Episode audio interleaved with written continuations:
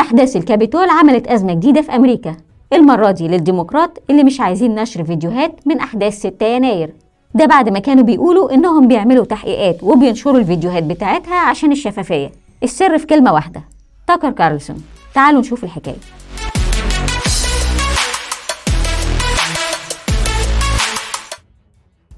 في 21 فبراير فجر كيفن مكارثي رئيس مجلس النواب والمنتمي للحزب الجمهوري مفاجأة. أعلن إنه إدى للمذيع المحافظ تاكر كارلسون 42 ألف ساعة من تسجيلات كاميرات المراقبة في أحداث الكابيتول. بكده مكارثي وفى بوعد قدمه للنواب المؤيدين لترامب وإن الرأي العام يقدر يتفرج على اللي حصل في أحداث 6 يناير بالكامل. ومن غير ما يقعد يقرأ في تقارير لجنة تحقيقات 6 يناير اللي عملها الديمقراط واللي الجمهوريين كان أغلبهم مقاطعها أصلاً. ده غير كمان إن الناس اللي اتقبض عليهم في أحداث الكابيتول يقدروا يستخدموا الفيديوهات دي في الدفاع عن نفسهم في المحاكم.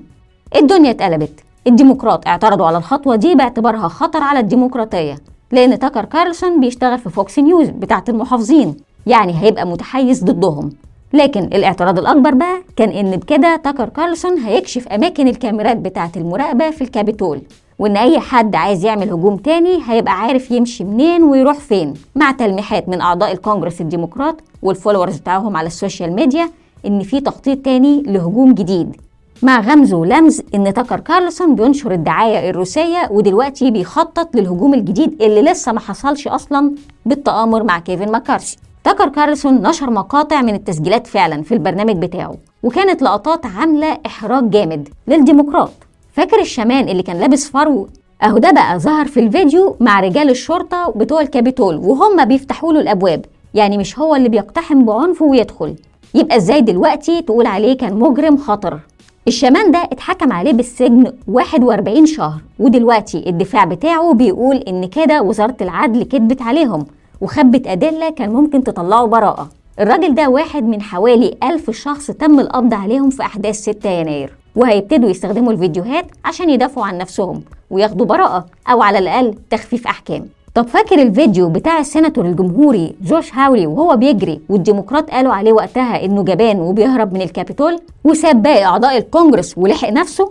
أهو ده كمان طلع فيديو ملعوب فيه. ولما كارلسون نشر الفيديو كامل ظهر رجال الشرطة وهم بيصطحبوا أعضاء الكونجرس كلهم وجوش هاولي كان آخر واحد يطلع. يعني خرج بعد ما زمايله خرجوا والشرطة هي اللي كانت بتوجههم.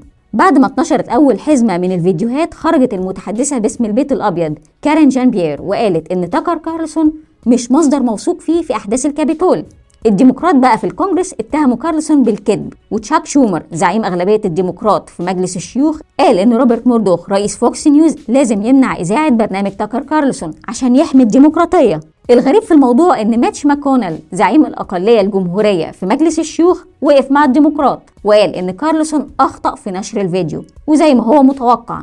انقلب الجمهوريين والمحافظين في ال social media على ماكونل باعتباره واقف مع الخصم لدرجة إن إيلون ماسك نفسه قال انه كل شوية ينسى الراجل ده تبع أنهي حزب بالظبط. fun fact بقى بعد التريقة اللي خدها ماكونيل طلع خبر إنه اتنقل للمستشفى بسبب وقعة خدها في عزومة على العشاء ومحدش قال إيه مدى الإصابة بالظبط.